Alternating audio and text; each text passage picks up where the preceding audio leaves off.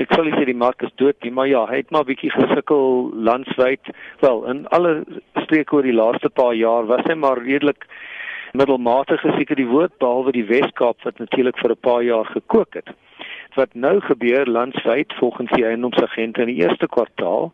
So ons vra vir hulle in ons opname om ons uh, persepsie te gee van aktiwiteitsvlakke in hulle wêreld op 'n skaal van 1 tot 10 en hierdie activity rating soos ons hom noem het gespring redelik uh, betekenisvol vanaf 5.29 in die vorige kwartaal na 6.18 en die gemiddelde tydperk op die mark het aansienlik afgekom. So met ander woorde, huise landwyd vinniger, bietjie vinniger verkoop vanaf 17 weke in 2 dae in die vorige kwartaal na 14 weke in 1 dag. So daar was 'n redelike sprong in die mark op 'n nasionale gemiddelde basis, maar as mense dit afbreek dan is dit Gauteng wat die mees betekenisvol gespring het. Dit lyk vir my hy is die mark wat die beste verbeter waar die Wes-Kaapse mark hy is besig om te verlangsaam na 'n paar jaar van baie goeie vertoning. Is daar spesifieke redes vir die verbetering en die verlangsaming in ander provinsies? Wel, Gauteng het baie swak vertoon, baie baie middelmatig vertoon, baie min huisprysgroei gehad oor die laaste dekade of wat, sedert die bloeitydperk laaste dekade. En as gevolg daarvan het sy bekostigbaarheid baie verbeter.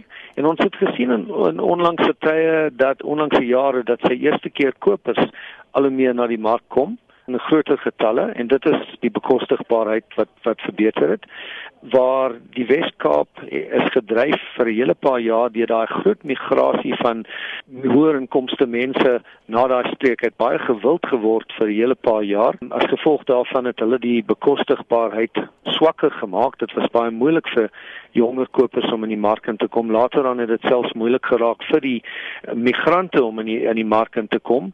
En wat ons sien nou is daai migrasie na die Wes-Kaap hy begin minder raak die getalle begin minder raak die eerste keer kopers sukkel weens die hoë pryse en natuurlik daai streek die Wes-Kaapse streek ekonomies begin meer sukkel as gevolg van sy droogte dink ek. Jy verkoop jou huis om te migreer.